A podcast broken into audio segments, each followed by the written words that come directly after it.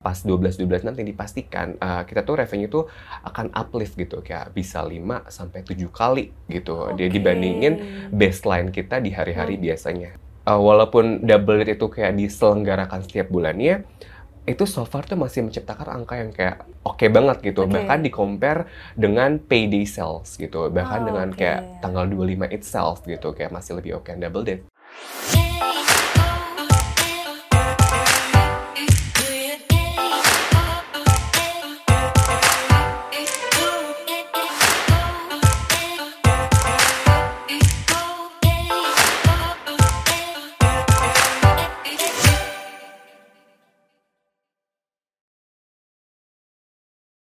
Semuanya, balik lagi di Pow Podcast barengan gue Nanda. Nah kali ini seperti biasa gue nggak sendirian, gue akan ditemenin sama narasumber gue yang topiknya nih hangat banget nih di bulan Desember ini. Apalagi kalau bukan soal Harbolnas.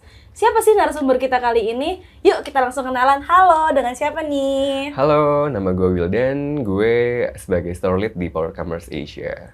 Oke, Mas Wildan sebagai store lead. Berarti udah terbiasa dong dengan event Harbolnas. Nih kita mau ngomongin Harbolnas nih. Aduh, udah biasa, udah makanan bertahun-tahun. Oke, spill kali ya. Udah berapa tahun nih Mas jadi store lead? Ah, hmm, jadi store lead itu sebelumnya gue sempat di eh, retail brand gitu di mungkin kayak dua tahun laluan gitu. Setahun dua tahun lalu mungkin. Jadi kayak in total sama sampai sekarang tuh tiga tahun lalu. Sebelumnya gue juga sempat di salah satu e-commerce. Gue sebagai penyelenggara. Kalau sekarang gue jadi partisipan Oke, gitu. partisipan dulunya penyelenggara. Bedanya apa nih? Ah, kalau dulu kan berarti eh, revolving around eh, kira-kira sebagai pihak dari marketplace bakal ada apa sih gitu Hmm. kira-kira ah, apa aja yang mau kita tawarin ke seller-seller ah, kita suggest ke seller-seller ah, buat di apply ah, sebagai promotional ah, tools di toko-tokonya mereka. Kalau sekarang gue yang utilize promotional tools itu di toko Hmm. gue, di toko yang gue handle gitu. Susah nggak sih Mas jadi store lead itu? Eh, susah itu relatif ya. Kayaknya tuh itu something yang kayak uh, Hmm. bisa dipelajari gitu. Susah udah pasti semua kerjaan susah. uh, well, it's tricky gitu karena berkaitan dengan strategi gitu Hmm. kan. Dan strategi kan nggak selamanya tuh kita bisa deliver well Yes. gitu. That's true. Oke, Hmm. nih ngomongin soal strategi nih. Tadi udah sempet juga kan, kayak gimana sih nge-utilize strategi buat di toko-toko online yang dipegang atau apa nih? Oh brand lah ya, we can say that. Hmm, Atau gimana? Pastinya hmm, cara utilize-nya. Hmm. Ya, pasti kita juga mesti tahu nih kira-kira tuh kayak uh, how is our brand doing gitu. Kayak uh, kan biasanya tuh kalau misalnya di setiap store itu setiap brand itu kayak punya masing-masing uh, punya peraturan sendiri gitu kayak Iya. terkait harga, terkait uh, budget and so on gitu. Yang paling penting itu kita harus tahu dulu what's going on what's going on there in the brand that we are uh, handling gitu. Kita perlu mengenal dulu dan situ ntar kita bisa kenalan dengan kayak produk-produknya mereka gitu. Kita mesti tahu apa aja sih produknya uh, di kategori apa dan kayak how to uh, how to promote it baru baru kita kayak coba eksekusi one by one A/B testing and so on gitu. Kita Oke. explore uh, any uh, opportunities yang ada. Gitu. Oke, so berarti kan di sini kerjanya Mas Wildan ini adalah salah satunya adalah creating strategy, right? Mhm. Nah, strategi ini kan tiap event beda-beda nih. Apalagi kita kan udah masuk ke event Harbolnas. Kayaknya tuh kalau dari hasil aku uh, stalking-stalking di internet, Harbolnas ini kan kayak udah dari tahun 2012 ya. Berarti udah 10 tahun. Nah, itu baru Harbolnas aja nih. Kira-kira gimana sih buat bikin strategi nih buat nge-maintain orang-orang lebih banyak belanja, lebih hit di satu event dibandingkan dengan uh, bulan-bulan atau hari-hari lain yang tidak ada eventnya? Keep them interested in what we offer them gitu. Jadi kayak nggak serta merta tuh kayak terpaku pada harga aja, tapi kita Hmm. juga utilize uh, gimmicks gitu Oke. kayak uh, dan kayak uh, diskon tuh nggak cuma sekedar diskon yang terpajang di uh, di uh, etalase toko di Hmm. display toko, tapi ada juga vouchers gitu dan Hmm. kita juga bisa uh, apa ya uh, extend the traffic gitu kan banyak banget ya maksudnya kan kayak kalau misalnya kita jualan tuh nggak serta merta harga doang tapi juga tentang kayak engagement and so on gitu Oke. tentang kayak trafficnya gitu jadi Hmm. kayak kita mesti expand anything everything gitu Helikopter basically view gitu. ya? Betul Iya, betul. Oke. Tapi bener gak sih mas kalau Harbol Harbolnas ini selalu ngedatengin eh, revenue atau keuntungan yang jauh berlipat-lipat daripada bulan-bulan lain yang nggak ada Harbolnasnya? Nah, revenue di sini tuh kita mau compare-nya itu by uh, month on month uh, growth-nya Hmm. atau kayak day by day growth-nya gitu. Basically uh, semuanya tuh uh, naik gitu, cuma kayak berapanya itu mungkin kayak disesuaikan juga dengan apa nih dengan kayak overall per bul- uh, sebulan itu tuh ada apa ajanya. Let's say gini, misalnya kayak uh, pas 12-12 nanti dipastikan uh, kita tuh revenue tuh akan uplift gitu, kayak bisa 5 sampai 7 kali gitu. Dia Oke. dibandingin baseline kita di hari-hari Hmm. biasanya. Uh, baseline itu mungkin kayak average daily sales Iya. kita gitu. Uh, tapi kalau secara growth, ya uh, kita mesti jaga gitu. Abis uh, apa nih ya, abis 12-12 tuh uh, jadi kayak promosi itu nggak ser- serta-merta cuma pas 12-12 doang, tapi kita harus ngejaga kayak hari sebelumnya dan hari berikutnya sehingga kita Hmm. bisa uh, nyiptain uh, apa ya uh, growth yang kayak stable gitu kayak Oke, dalam bulan oke. tersebut. Jadi kita bisa Hmm. make sure uh, bulan Desember let's say itu kayak better than the previous month gitu. Oke. Mm. Ngaruh nggak nih? Dulu kan Harbolnas cuma ada setahun sekali atau setahun dua kali antara 11 Mhm. 11 12 11 11 atau 12 12. Mhm. Nah, sekarang selalu ada Harbolnas tiap bulan nih di tanggal-tanggal kembar. Ngaruh nggak sih di eh, apa ya? Mungkin behavior eh, customer kita untuk beli gitu. Uh, Dampaknya gimana tuh? so far tuh ya dari awal tahun ini satu-satu sampai sekarang udah mau menjelang 12-12 dipastikan setiap double date itu ada uh, apa ya multiplied sales gitu jadi kayak uh, yang biasanya let's say kayak cuma uh, cuma satu gitu cuma 10 juta gitu itu dipastikan tuh akan ada kenaikan gitu Oke. Uh, walaupun kayak setiap bulannya ada nih gitu apa namanya uh, double date gitu Hmm. and in my case in the brand that I handle itu kayak uh, walaupun double date itu kayak diselenggarakan setiap bulannya itu so far tuh masih menciptakan angka yang kayak uh, oke banget gitu Oke. bahkan di compare dengan payday sales gitu bahkan Oh, dengan oke. kayak tanggal 25 itself gitu kayak masih lebih oke double date so far ya gitu cuma kayak 12 12 let's see Iya benar benar. Baru aku mau nanya, nih kalau di versus nih double date sama payday mana nih yang lebih unggul? Iya, double date sih so far gitu. Ini balik lagi kayak uh, case-nya masing-masing brand ya gitu. Cuma in my case, and I have handled so many brands before gitu. Dan kayak so far sih, uh, based on my experience, itu semuanya sih kuat di double date-nya Oke. gitu. Tapi ada nggak misalkan kayak apakah benar 11-11 dan 12-12 ini masih tetap memegang juara di antara semua double date atau sekarang udah kayak sama aja sih sebenarnya? Eh, nah ini tuh jawabannya sebenarnya tuh nggak bisa, nggak ada yang pasti gitu. Mhm. Sebenarnya kan kayak case-nya itu balik lagi ke masing-masing brand gitu. Karena to be very honest, I don't have the access to you know kayak reveal uh, growth trendnya di Iya. marketplace itself gitu kan dari channelnya gitu. Hmm. Jadi sebenarnya itu balik ke brandnya masing-masing gitu. Kalau at the moment memang kayak ada uh, decline, ada kayak uh, trend decline tiba-tiba penurunan di 11-11 gitu. Oke. In for some brands that I know Mhm. gitu. Uh, cuma tidak uh, tidak menutup kemungkinan ntar pas 12-12 dia akan kayak Naik lagi. naik gitu lagi. ya? Itu sebenarnya Oke. case-nya tuh lebih ke balik ke uh, apa nih each brands juga sih gitu. Oke. Tadi aku sempat baca profil yang menarik nih di LinkedIn-nya Mas Wildan.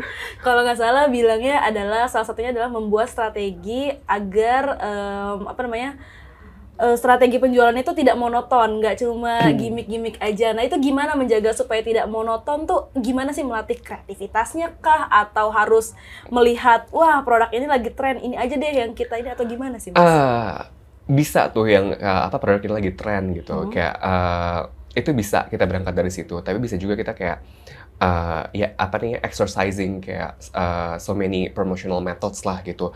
Pun uh, in that case gitu kayak kreativitas tuh bukan sesuatu yang kayak kita bisa temukan sendiri in my case gitu kayak di Power Commerce Asia tuh banyak banget store lead, ada beberapa store lead gitu. Hmm. Uh, dan kadang tuh kita pasti pasti ada weekly meeting dan kita Yeah. sering kayak brainstorming together terus kayak like, uh, apa namanya pas pas lagi weekly meeting itu kita kayak sering kayak saling tunjuk kayak kita uh, si A mau ada promosi ini gitu si B mau ada promosi ini kita sama-sama kayak tukar ideas gitu kayak uh, mungkin kayak idenya si A itu bisa di-apply on my brand dengan different ways. Maksudnya kayak Oke. dengan cara yang berbeda Iya, gitu. iya, mungkin iya, iya. kayak uh, uh, bikin kayak GWP give it purchase tapi Hmm. kayak si A pakai apa, ntar uh, my brand tuh pakai apa gitu. Itu kayak Hmm. kita gali bareng-bareng gitu. Gitu. Kayak uh, selalu ada tempat buat belajar sih sebenarnya Iya, di mana-mana gitu. Kita bisa belajar di mana-mana dan kita bisa sharing dan kayak brainstorming dengan siapa aja gitu. Karena semua orang tuh punya kayak point of view yang berbeda terkait dengan promotional strategies gitu. Jadi kayak always be open minded dan kayak welcoming for any ideas that come to you. Oke, ya soalnya setauku kan yang namanya promosi ya udah ya diskon aja gitu. Hmm. Ternyata begitu banyak gimana ya, bener juga ya kalau diskon terus kan lama-lama Iya. monoton kan kalau kayak pakai harga coret terus menerus gitu. Nah itu tuh kayak apa sih? promotional strategy is a very complex thing sih. Jadi kayak dan tapi uh, yang tadi aku bilang itu bisa Hmm. ditemukan di mana aja dan dengan siapa aja karena masing-masing orang punya point of view uh, promotionals yang kayak berbeda gitu. Jadi Gitu. kayak saling berbagi aja sih gitu. Dan kita juga bisa nyontek dari kompetitor. Kayak always check competitors Oh, iya what the- what are they doing and Iya. so on gitu. Ini ya apa observer? Iya, o- observasi. Terus eh, walaupun misalnya kita megang kategori F&B, kita juga Iya. boleh loh nyontek what is eh, apa namanya eh, apa sih yang lagi dikerjain sama si eh, kategori health Lain. beauty and so on gitu. Dan kita bisa utilize it in our own Oke. way gitu yang kayak disesuaikan dengan eh, profile brand kita gitu. Berarti nggak hanya mentok misalkan lagi pegang F&B ya udah berarti kita harus analyze F&B kompetitor aja Enggak mesti. dong, kita juga bisa apa nih ya, ya kayak tadi kan aku bilang apa nih Hmm. bisa explore apa nih ya, uh, ideas tuh ada di mana aja gitu. Oke. Udah berapa lama nih Mas bersentuhan dengan Harbolnas sebagai store lead kalau boleh tahu? Storlit sih mungkin kayak tiga tahun ya. Tiga Kayak tahun ya? Up to tiga tahun. Aku nggak hafal kerja di mana, kapan Iya. aja, kapan aja. Jadi kayak kayaknya to tiga tahun sih. Cuma kalau berhubungan dengan uh, double date dari zaman aku di Iya. uh, apa nih e-commerce in Hmm. which dari 2017. Wow, udah hatam banget nih per Harbolnasan gitu kan. Ada nggak sih Mas campaign Harbolnas yang ternyata waktu dijalanin, wah kurang sukses nih.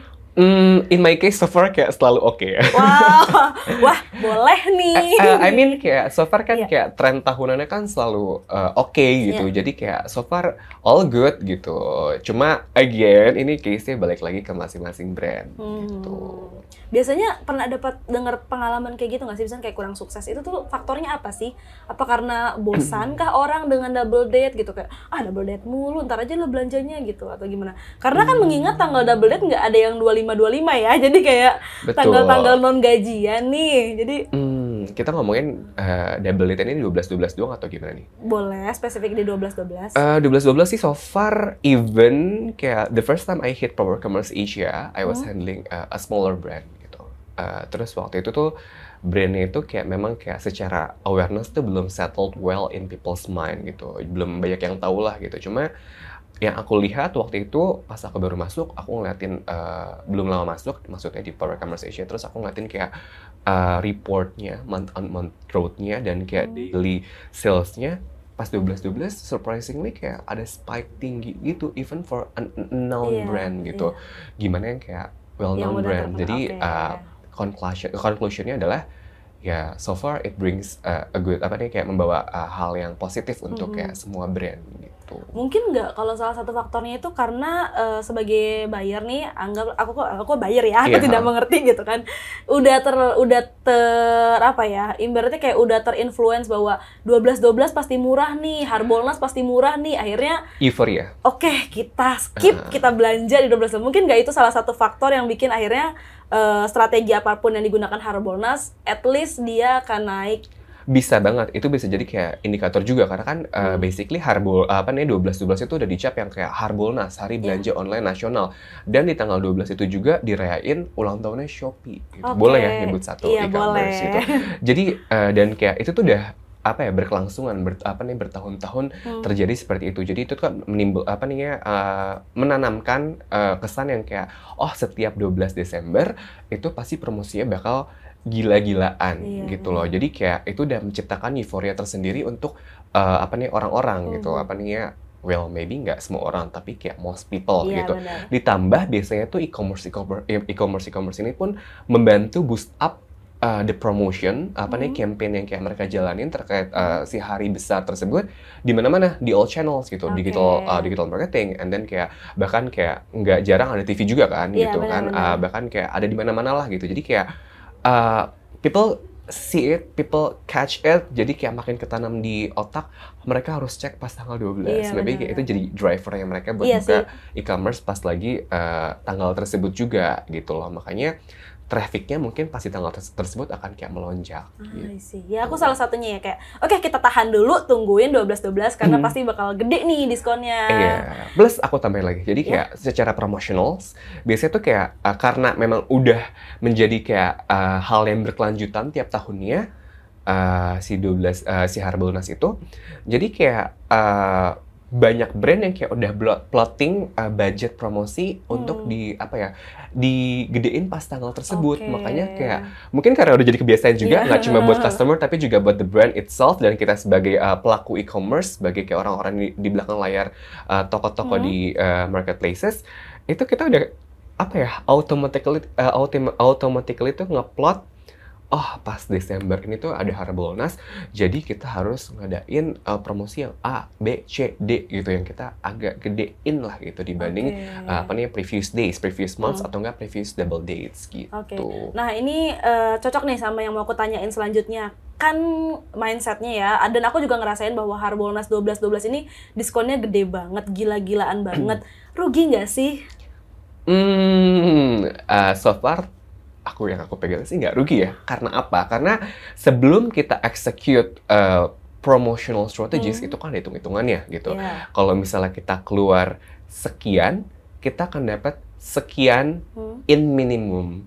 Di situ akan tercip- tercipta ROI, ROI, uh, Hmm. return of investment, dan itu kan udah jadi kayak forecast gitu. Jadi kayak seenggaknya kalau kita keluar segini, kita akan dapat berapa gitu. Jadi udah ada hitungannya lah gitu. Jadi kita nggak serta merta tiba-tiba harga produk 99.000 jeder, jadi kayak harga 1000 doang Iya, bener, gitu. bener. loh. Karena kan banyak ya yang pro diskonnya sampai 50%. Terus aku kayak mikir, wah ini kenapa nih dia? Iya sih jualannya mungkin eh, check outnya lebih banyak gitu, tapi apa tidak merugi nih sampai dan diskon segede kadang ini? kita juga bikin oh mungkin eh, apa ya kalau misalnya artikel online kita Hmm. buka uh, situs media portal gitu Hmm? kadang kita ngeliatin judul gitu kayak Yes.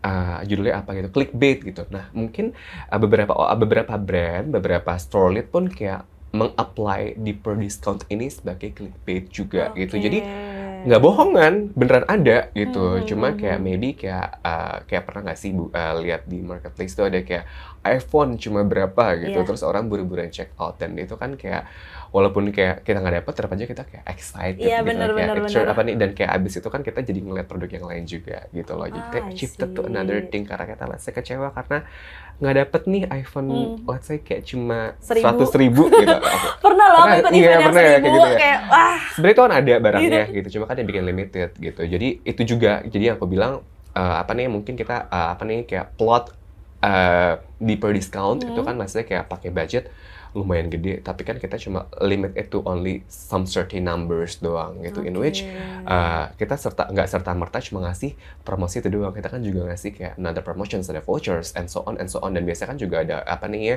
uh, free ongkir and so on. In which itu bisa uh, apa nih jadi keuntungan juga lah untuk pembeli membeli di toko kita gitu loh. Di jadi antara- nggak fake ya nggak mitos Oke, promonya. Ya bener sih. Eh, aku nggak tahu ya soalnya itu satu menit langsung habis. Jadi kayak ini sebenarnya ada apa? Enggak barangnya kok habis dibuka langsung nggak ada. let's say produknya cuma 30 yang pengen ada 10.000 ribu orang wow Iya bener gitu bener kan. bener bener iya ya pernah ada juga kan yang viral itu dia pakai apa pakai bot ya biar dapat yang seribu itu That kayak I don't know yet. Eh, ah, pernah dengar cuma kayak ah, aktualisasinya maksudnya kayak ah, gimana eksekusinya dan Hmm. kayak itu benar atau enggak itu I don't know kayak I cannot tell gitu. Iya, iya sih kayak aku cuma nonton ini doang ya kayak video amatir gitu di Twitter kayak orang-orang udah laptop, handphone, handphone, laptop kayak gitu kayak demi dapetin iPhone 1000 but ya nggak tahu ya itu cuma konten atau beneran kejadian. Sebenarnya sama aja kayak war tiket Blackpink kemarin nggak sih? Ups. Oh gitu. iya bener. Enggak maksudnya kayak ah, apa namanya tiketnya ada berapa ya mau Iya, ada berapa bener, bener, jadi kayak sebenarnya jadi kayak clash at once aja Iya. jadi kayak mungkin beberapa orang ada yang nggak dapat gitu tapi not trying to bring up any cases cuma itu Mhm. sebagai contoh aja gitu kayak uh, let's say tiket konsernya cuma berapa terus kayak orang yang mau tuh ada banyak Iya, benar. banget gitu loh sama aja case sama Benar. kayak iPhone-nya cuma ada berapa ratus berapa puluh Hmm. yang mau ada ribuan orang Yes. gitu loh Including me. iya I Cuma- want it too Iya sih, kayak bingung aja gitu. Ini orang-orang speed internetnya berapa? Bisa nembus. itu kayak udah Lucky ya. kayak lucky factor Iya. sih sebenarnya gitu Iya, bener juga sih. Mhm. Apa sih mas tantangan terbesar selama Harbolnas nih?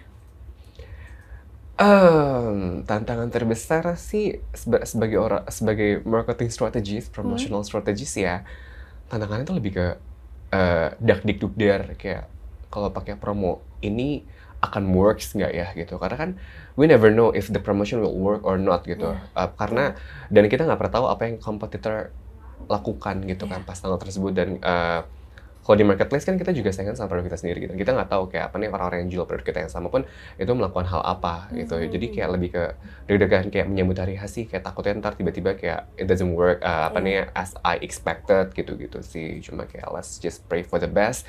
12 12 eh, well we have done A/B testing di Hmm. previous months di bulan-bulan sebelumnya. 12 12 sih mestinya itu kayak pakai settled strategies aja yang udah pasti-pasti aja Oke. sih. Kalau in my opinion ya gitu biar Hmm. kayak eh, nggak usah dak dik biar berlebihan meminimalisir resiko, yang Resiko. belum pasti. gitu. Iya gitu. benar. Apa sih promo yang paling diminati nih so far? Kan udah coba beberapa promo, gimmick dan sebagainya. Mana yang kira-kira tuh ini masyarakat paling banyak sukanya yang ini deh kayaknya. Aduh banyak banget case-nya sih ada yang kayak eh, itu sebenarnya kayak balik lagi ke consumer behavior-nya sih. Hmm. Kayak ada yang kayak suka diskon, ada yang suka eh, apa nih kayak bundle, ada yang suka vouchers, ada yang suka gimmick gitu. Sebenarnya kayak itu balik lagi consumer behavior sih karena in my case I can see eh, pernah banget tiba-tiba ada lonjakan sales gara apa nih ya eh, peningkatan conversion rate dari eh, consumer karena eh, utilizing pembelian eh, A dapat gimmick merchandise tertentu gitu. Oke. Itu pernah banget gitu. Tapi ada juga pernah juga kayak di per discount itu leads to kayak apa nih better conversion rate gitu. Jadi kayak I cannot tell which specific promotional method yang kayak benar-benar bisa ningkatin Oke. sih karena itu benar-benar vary sih karena itu nggak itu bukan exact number gitu Oh, loh. ya, bukan see. exact options gitu Nah, dari behavior customer itu kira-kira penentunya apa sih? Apakah eh, kayak daerah mungkin atau mungkin era lahirnya kah, Gen Z, milenial atau generasi Y atau apa sih penentuan dari behavior? Ada yang lebih suka diskon, ada yang lebih suka ini. Kira-kira itu bisa diterjemahkan nggak? Atau itu benar-benar kayak Hmm. Ya we don't know yet gitu? itu kan kita berarti ngomongin demografi ya kayak Ya. demografi is a very wide thing to discuss gitu Uh, ada secara aspek ekonomi ya terus ada umur juga and so on kayak let's say Gen Z and Gen Y ada apa nih Gen Z dan millennials gitu secara uh, apa ya uh, rasional bukan rasional I, I don't know the right word but apa nih correct me if I'm wrong kalau Hmm. misalnya aku salah ngomong atau apa Uh, intinya misalnya uh, Gen Z kan lahirnya tahun berapa ke berapa Iya. Terus uh, Gen Y or millennials itu kan lahirnya tahun berapa ke berapa gitu kan. Uh, si millennials kan obviously sudah mulai kerja duluan Iya, gitu loh. Kayak apa let's say kayak mereka uh, I cannot say uh, apa nih ya mereka udah pasti punya posisi yang lebih tinggi atau gaji yang lebih Hmm. tinggi. Cuma kan kayak in most cases secara Iya. uh, apa nih kayak ya kita menerka-nerka aja Iya, mungkin iya. kayak si millennials tuh kayak punya higher salary compared to uh, Gen Z kan. Jadi kayak mungkin uh, buying uh, powernya mereka untuk membeli some certain products yang harganya lebih tinggi itu lebih oke gitu lebih tinggi juga gitu. Itu bisa jadi faktor kan. Hmm. jadi kayak there are so many as- aspects. Dan kayak mungkin kalau kita ngomongin dem- demografi uh, let's say uh, toko yang promo gede di Jakarta posisinya dia ada di mana? Itu kan ongkir matters ya Oke. gitu. itu kan so many aspects to divine uh, Hmm. apa namanya uh, yang tadi uh, ditanya gitu Ya, betul betul betul. Aku sih pencari gratis ongkir kebetulan. Ya, sama gitu. Diskon lain, oh nggak masalah. Yang penting Iya. gratis ongkir. Yang penting gratis ongkir Iya. gitu. Sama. Bener ya. Nih Mas, kebetulan pegang berapa e-commerce nih kalau boleh tahu? Jenis e-commerce ya, nggak usah disebut brandnya nih atau warnanya. Eh, banyak sih, lebih dari lima deh kayaknya. Oke. Aku hitung boleh nggak sih? Boleh dong, Lebih dari lima. lebih dari lima. Tiap e-commerce nih bisa nggak sih di set dengan campaign yang sama atau pendekatannya beda-beda jadi harus bikin beda? Aku ngomongin case kali ya. Iya. Ngomongin case misalnya eh, 12-12. 12-12 itu kan tadi aku udah jelasin, aku udah aku bilang juga 12-12 itu eh selebrasinya itu di Shopee kan lebih paling gede karena itu kan juga lagi birthday Shopee gitu. Iya. Aku nyebut nggak apa ya biar ngasih contoh. Eh eh, in my opinion karena memang kayak traffic larinya banyak ke situ, aku akan kayak lebih besarkan promosi ke sana Oke. gitu. Uh, terus kan when it comes to promotionals, kadang kita juga uh, promotional store kan ada diskon, ada voucher, ada uh, GWP, give it purchase tadi, gimmick-gimmick gitu, and so on gitu. Nah mungkin kayak aku bisa apply, aku bisa utilize juga ke channel lain, Hmm. tapi mungkin expect less dan aku itu udah kalkulasi based on kayak on the uh, apa namanya uh, karena akan shifting banyak ke Shopee, let's say gitu. Ntar yang lain tuh aku cuma bagi uh, rasionya tuh cuma berapa persen dari kayak Hmm. total 100% misalnya Shopee 70% nah sisanya itu aku bagi-bagi bagi-bagi gitu. Itu nggak Oh. exact number ya, Iya, jadi iya, itu iya. Apa co- contoh aja contoh gitu. gitu kan. Oh, berarti emang pendekatannya bisa beda-beda gitu ya? Beda-beda. Makasih banyak Mas Wildan closing statement nih waktunya. Gimana nih buat teman-teman yang mungkin UMKM atau enterprise yang baru mencoba untuk digital dan punya toko online menghadapi 2000 eh 2022 Harbolnas 1212. Kira-kira apa sih ada nggak sih kayak simple strategic biar mereka juga dapat hit yang lebih di 1212? Simple strategy, hmm, yang tadi kayak A/B testingnya kemarin-kemarin aja gitu. Oke. Yang ini yang kayak dipastikan uh, kita kayak bisa kasih yang terbaik untuk uh, apa namanya uh, customer customer di, ru- uh, di rumah pengguna apa e-commerce.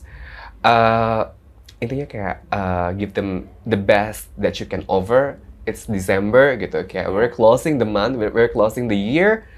Apa nih? Jadi kita hopefully itu bisa kayak uh, apa ya menyelesaikan tahun ini tuh dengan kayak sales yang oke nih Oke. Intinya gitu sih. karena 12 12 sudah terlanjur dekat nih kalau emang belum sempat learning dari pre- previous previous month nggak apa-apa dijadiin buat 12 12 ini learning for the next month bukan Betul. gitu ha. Kayak give the best still. Hmm? Terus habis itu ntar kayak whatever the result is, kayak there is still next year gitu. Yes, true. Oke deh, thank you banget Mas Wildan udah ngobrol-ngobrol barengan aku, barengan sama Power People di sini.